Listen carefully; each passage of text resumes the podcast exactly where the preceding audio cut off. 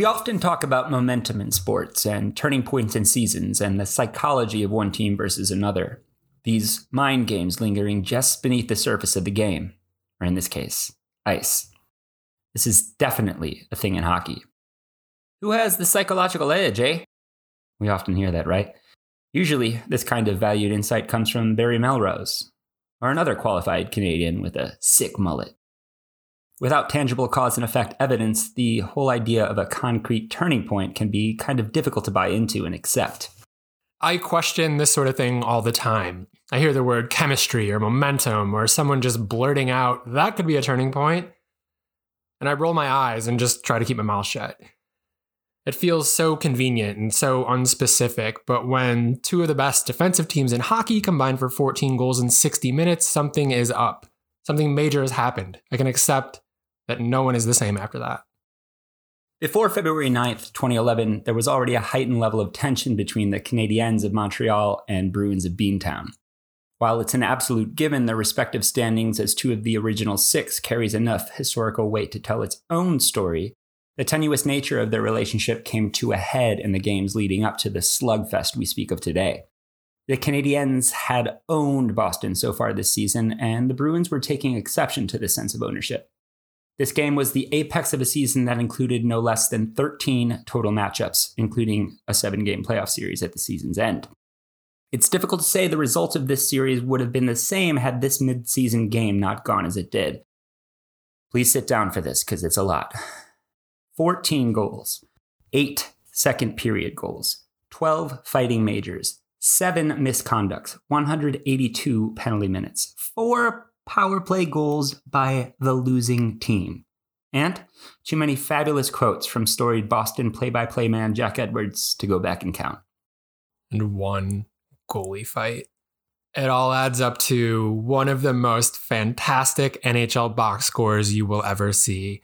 This we vow to explain to you now. Indeed, we do, Kevin. What began innocently as Claude Julien's 300th game as Bruins head coach ends as perhaps the loudest, fastest, bloodiest, goal happy turning point an NHL regular season game has ever seen. This is American sporting culture at its best and worst, which, let's face it, is what it's all about. We owe an incredible debt to our research team for digging up the very facts we are about to present to you, sounding as dated perhaps as every classic rock gem they are still blasting at TD Garden. With that said, let's drop the puck and the gloves. This is the Box Score Show.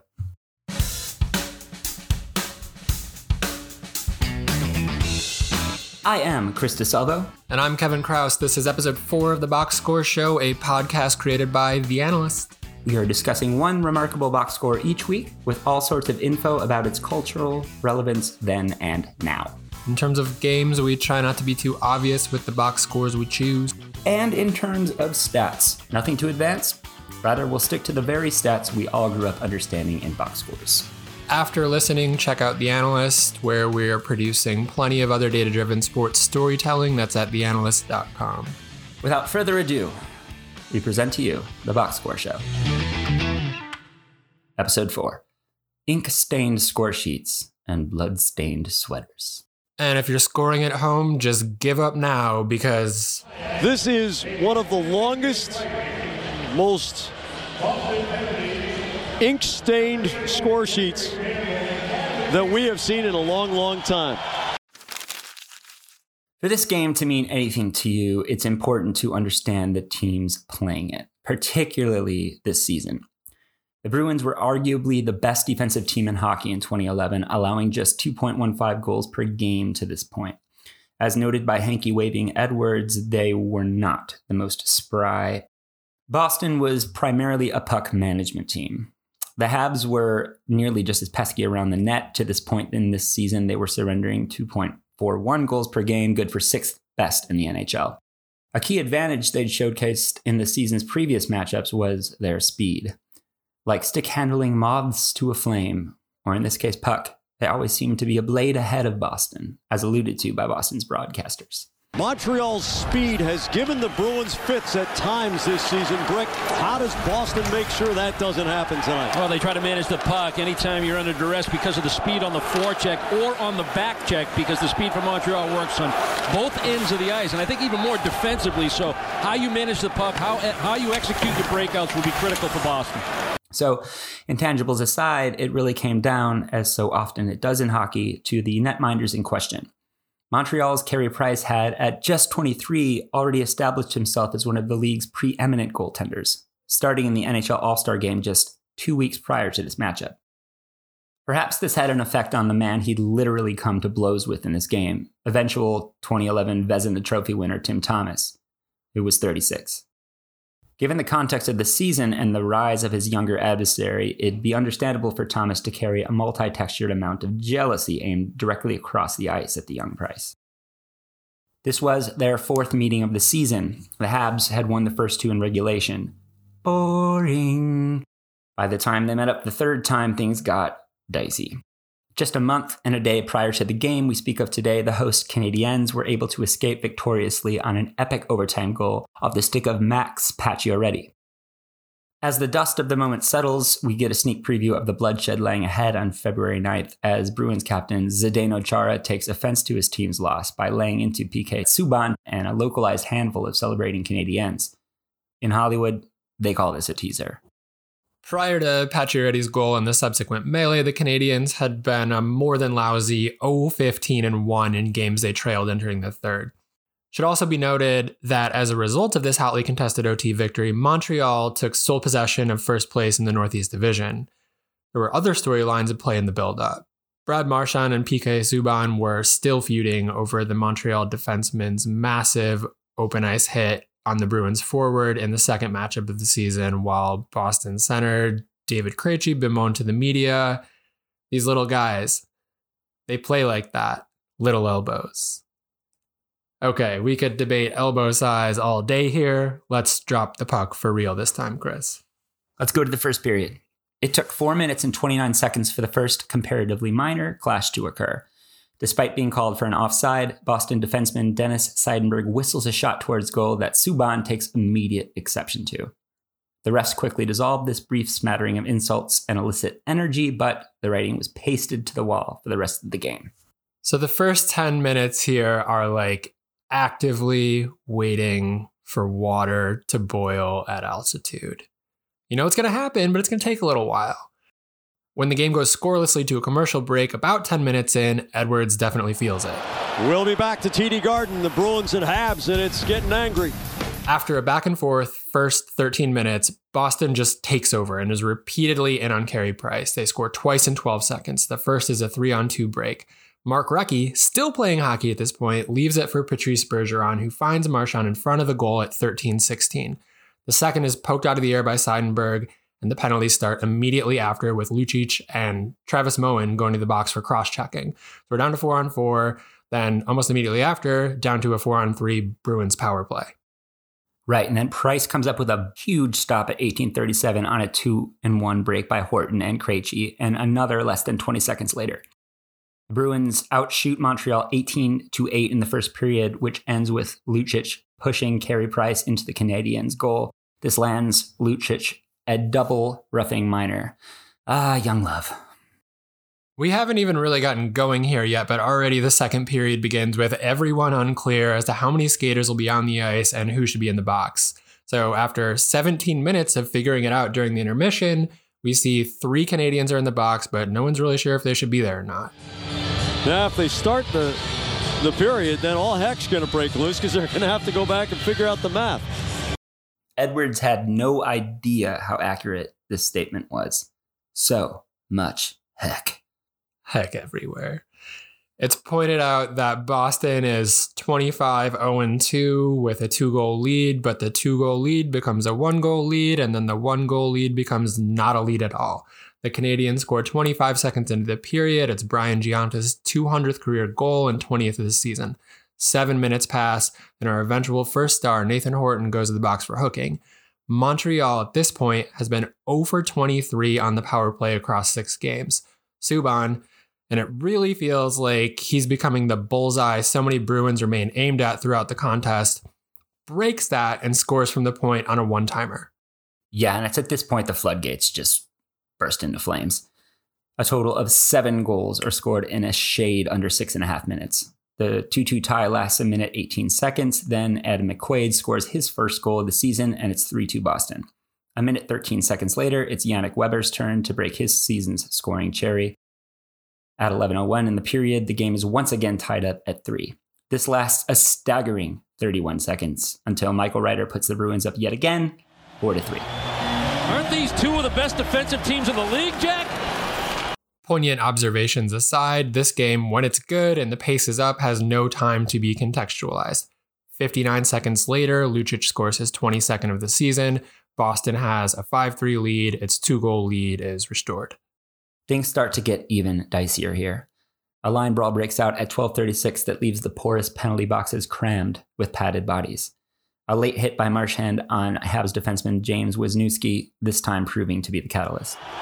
Numbers taken, memories long, nastiness aplenty. Eight goals on the board, and we're barely past the halfway mark of this game. And this is when it happens. Of course, Chris is making me call this part. It's the most stressful part of the show and something I'm entirely unprepared for. It's the goalie fight. It'd be a great name for a band if Chris hadn't already taken it.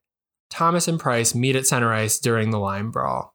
Now, the larger fight among their teammates is happening along the boards behind the Montreal goal. So Thomas glides up the ice to challenge Price.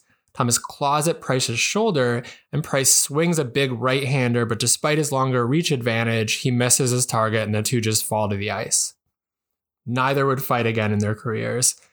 And Price in the postgame really downplays it. He says, We were play fighting more than anything. But with a goalie fight, you always have to declare a winner, right? Yes. In which case, this one had to be Carey Price. This makes sense because Thomas was looking old Price had been lit up in the previous minutes, so there had to be some pent up frustration there.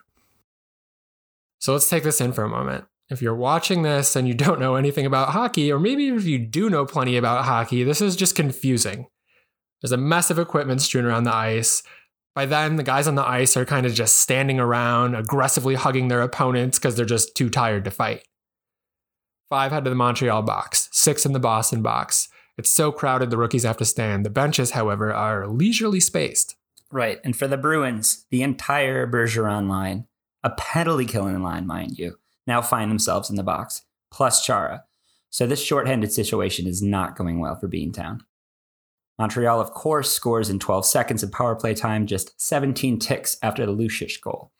So we have six goals in four minutes and 18 seconds. In a humorous allusion to the absurdity that this game has become, the TD Gardens public address announcer is still sorting through syllables and sorting out penalties well into the resumption of play. So Jim Martin's going to talk himself hoarse on the public address system. He's way behind, trying to catch up. By the time he gets to the penalties, it's going to sound like a filibuster in the Senate. Then Lucic scores again, though it feels like his first of the game could have happened games ago at this point. Milan Lucic with two goals in two minutes and 18 seconds, a half hour apart. now let's pause for a second and take a moment to understand what just happened historically. The seven goals in six minutes and 19 seconds was the fastest since the Blackhawks Flyers game in 1990 and hasn't been bettered since. The six in 418 has been surpassed once by the Coyotes and Avalanche actually just a few weeks ago, March 31st of this season. They did it in 3 minutes and 27 seconds. At 17:30 in the period, the Boston crowd starts their first USA, USA chant, which makes about as much sense as anything else in this game. And then we go a totally unacceptable 5 minutes and 11 seconds to the end of the period without a goal and just one penalty. So Boston's ahead 6 to 4. Montreal has a bit of a mountain to climb. We've just seen eight goals in a period, four by each team. What Chris and I knew was this was a lot of goals. What yes. the research guys told us was this was not unprecedented. Huh? This is one of seven games in the last 20 seasons in which both teams scored four plus goals in the same period, and the third time it happened in the second period. Get me an oxygen tank. The second period's over. I readily admit that at best, my hockey expertise is as casual as an office Friday, but by the time the puck drops to start the third period, I find the sport as riveting as anything HBO has produced in a decade. Can you imagine if this were your first NHL game? You figure it's just like this every night? Certainly not, knock on wood, and thank God it isn't. Not enough hospital beds in either Montreal or Boston. There's just wild stuff going on all over the ice, an indication of the emotional tenor of this game. And this is during a relatively calm part of the game during which the announcers find themselves as aroused as they are befuddled. At 6:40, Montreal goes on the power play and they again waste no time. 7:06 into the period, the Habs get within 1. For any Canadian faithful watching this game live, this feels like the last time their club gets within tangible reach of victory. As with all things short and sweet, this moment becomes just that. Boston's Michael Ryder, who scored a period previous, finds the net on a power play, but it's waved off just as quickly. Then 41 seconds later, at the 1042 mark, he scores anyway because that's what happens in this hockey game. That one counts! That one counts! And no one is going to ask for a refund after this game. It's at this point Boston finally gets the game firmly in hand, grabbing the game's first three goal lead when Horton pings one off the pipe at 14:54 after a perfect pass from Krejci. Right, and the USA USA chants reach deafening levels at this point, which is fabulously ironic because they're USA chanting against the Canadians, despite the fact that the Bruins line is made up of entirely non-USA born players. You can't script this stuff, folks. At 1706 we get, you guessed it, more fighting. Five more penalties are issued, more expletives are sent flying than hockey pucks, and Lucic and Subban are each issued girthy misconducts. The level of testosterone peaks about here with another line brawl, which breaks out with 49 seconds left on the clock. We start up again, and seconds later, people are just dropping like flies. Moen and Ference initially take center stage, and just as the fire igniting in their fisticuffs begins to cool, everyone else just goes full fight mode. He's giving him the nuggies. There's hockey equipment everywhere. As far as we know, no other sporting equipment was used. No bats have been used. Exactly. Well done. Gregory Campbell beats the heck out of Tom Pyatt. So much heck. Heck yeah. And what's clear here is the game is over and these teams legitimately hate each other on personal levels and organizational levels and levels we might not be aware of. And as you watch, you kind of wonder how something like this can at once totally surpass your everyday expectations of a hockey game, but also devolve into a total waste of your time, all in the perfect storm of 60 minutes. So the Bruins have five spare skaters on the bench at the end of the game, and that's thankfully it for penalties in this one, so we can go to the record books. As stated earlier, there were 12 fighting majors and seven misconducts in this game. And since this game, only once has a game ended with more fighting majors. It was two days later, with the Penguins and Islanders racking up 15 on February 11th, 2011. Maybe there's a full moon or something the day between. Only one game since has matched the 12 from this game. That was Stars Panthers on January 23rd, 2018. How did the seven misconducts stack up? Well, there were 21 in that Pens Isles game two days later, so we didn't bother looking into it any further. This is one of the longest, most ink stained score sheets that we have seen in a long, long time. But we don't want the professional hockey being played to be entirely overshadowed by the brawls. So, of course, there's one final goal in this game to speak of. It's yet another Montreal power play goal. And of course, it's Pacioretty, even if it doesn't mean anything this time. So the Habs go four for eight on power play and lose by two goals. Five teams since have scored four plus power play goals and lost, three of which by multiple goals. But it's the only time the Canadians have lost when scoring four or more power play goals since they were first tracked in the 1933 34 season. How they tracked them without computers remains a mystery. Something about Montreal that brings out the best in the Boston Bruins. One of the main stat lines of the night was the case of Carey Price and Tim Thomas. Sure, they fought, as Kevin so eloquently regaled to us, but they also allowed 14 goals between them on 67 shots. Context is very important here. Coming into this one, Price had won six in a row against the Bruins with a 956 save percentage. Thomas was 7 and 2 across his previous nine starts in the league, including two shutouts for a 948 save percentage himself. The latter went on to, as stated before, claim the Vezina Trophy that season, his second time doing so as a Bruin. For both, February 9th, 2011 proved to be a real anomaly, though. Price finished the night with a 765 save percentage, the sixth worst figure over a 60 minute appearance in his illustrious career. The career is now stretched to nearly 700 games with the Habs. Thomas didn't fare much better. This was his second worst showing over a full game in his entire career. His worst showing coming in 2007 when the Ottawa Senators put six past him on just 28 shots. It was the seventh lowest combined save percentage of that season, and neither team was involved in the six other games that were worse. Three Bruins were named as the three stars of the game. Michael Ryder, drafted ironically enough by Montreal back in 1998, claimed the third star for his two goal performance. Lucic, who spent much of the night tussling, was the second star after his action packed performance.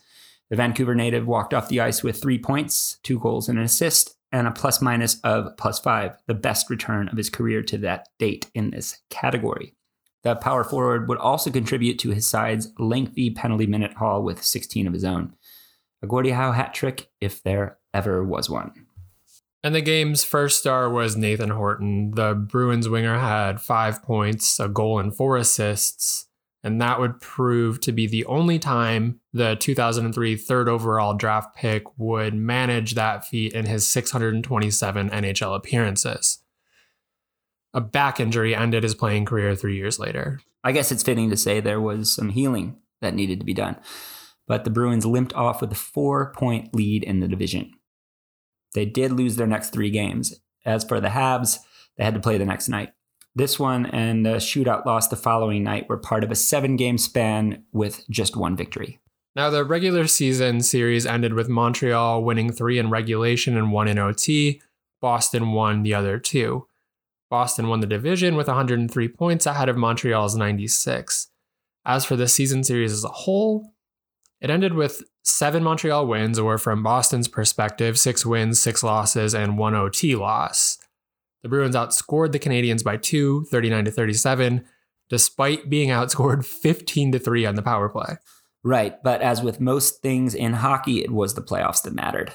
They met in the Eastern Conference quarterfinals in a 3 versus 6 matchup where the narrative mirrored the regular season completely. The Habs won the first two games, and Boston got the next three, eventually taking the series in seven despite going 0 for 21 on power play opportunities. Game seven went to overtime and ended on none other than Nathan Horton's series clincher at the 543 mark in overtime. There hasn't been a season series amongst two teams of 13 games or more since.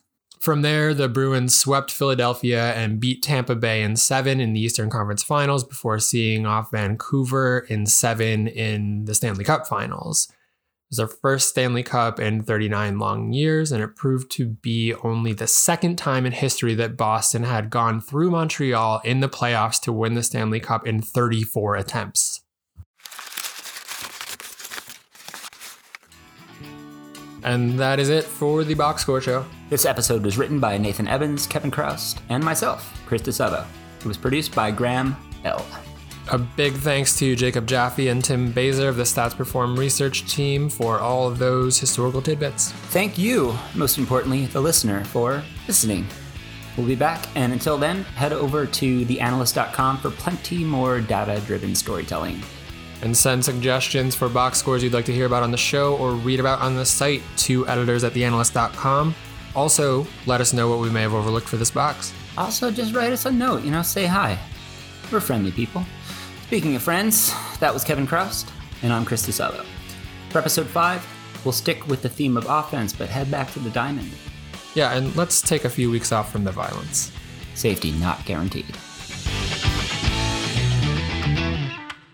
This has been the Box Score Show, a production of The Analyst and Stats Perform.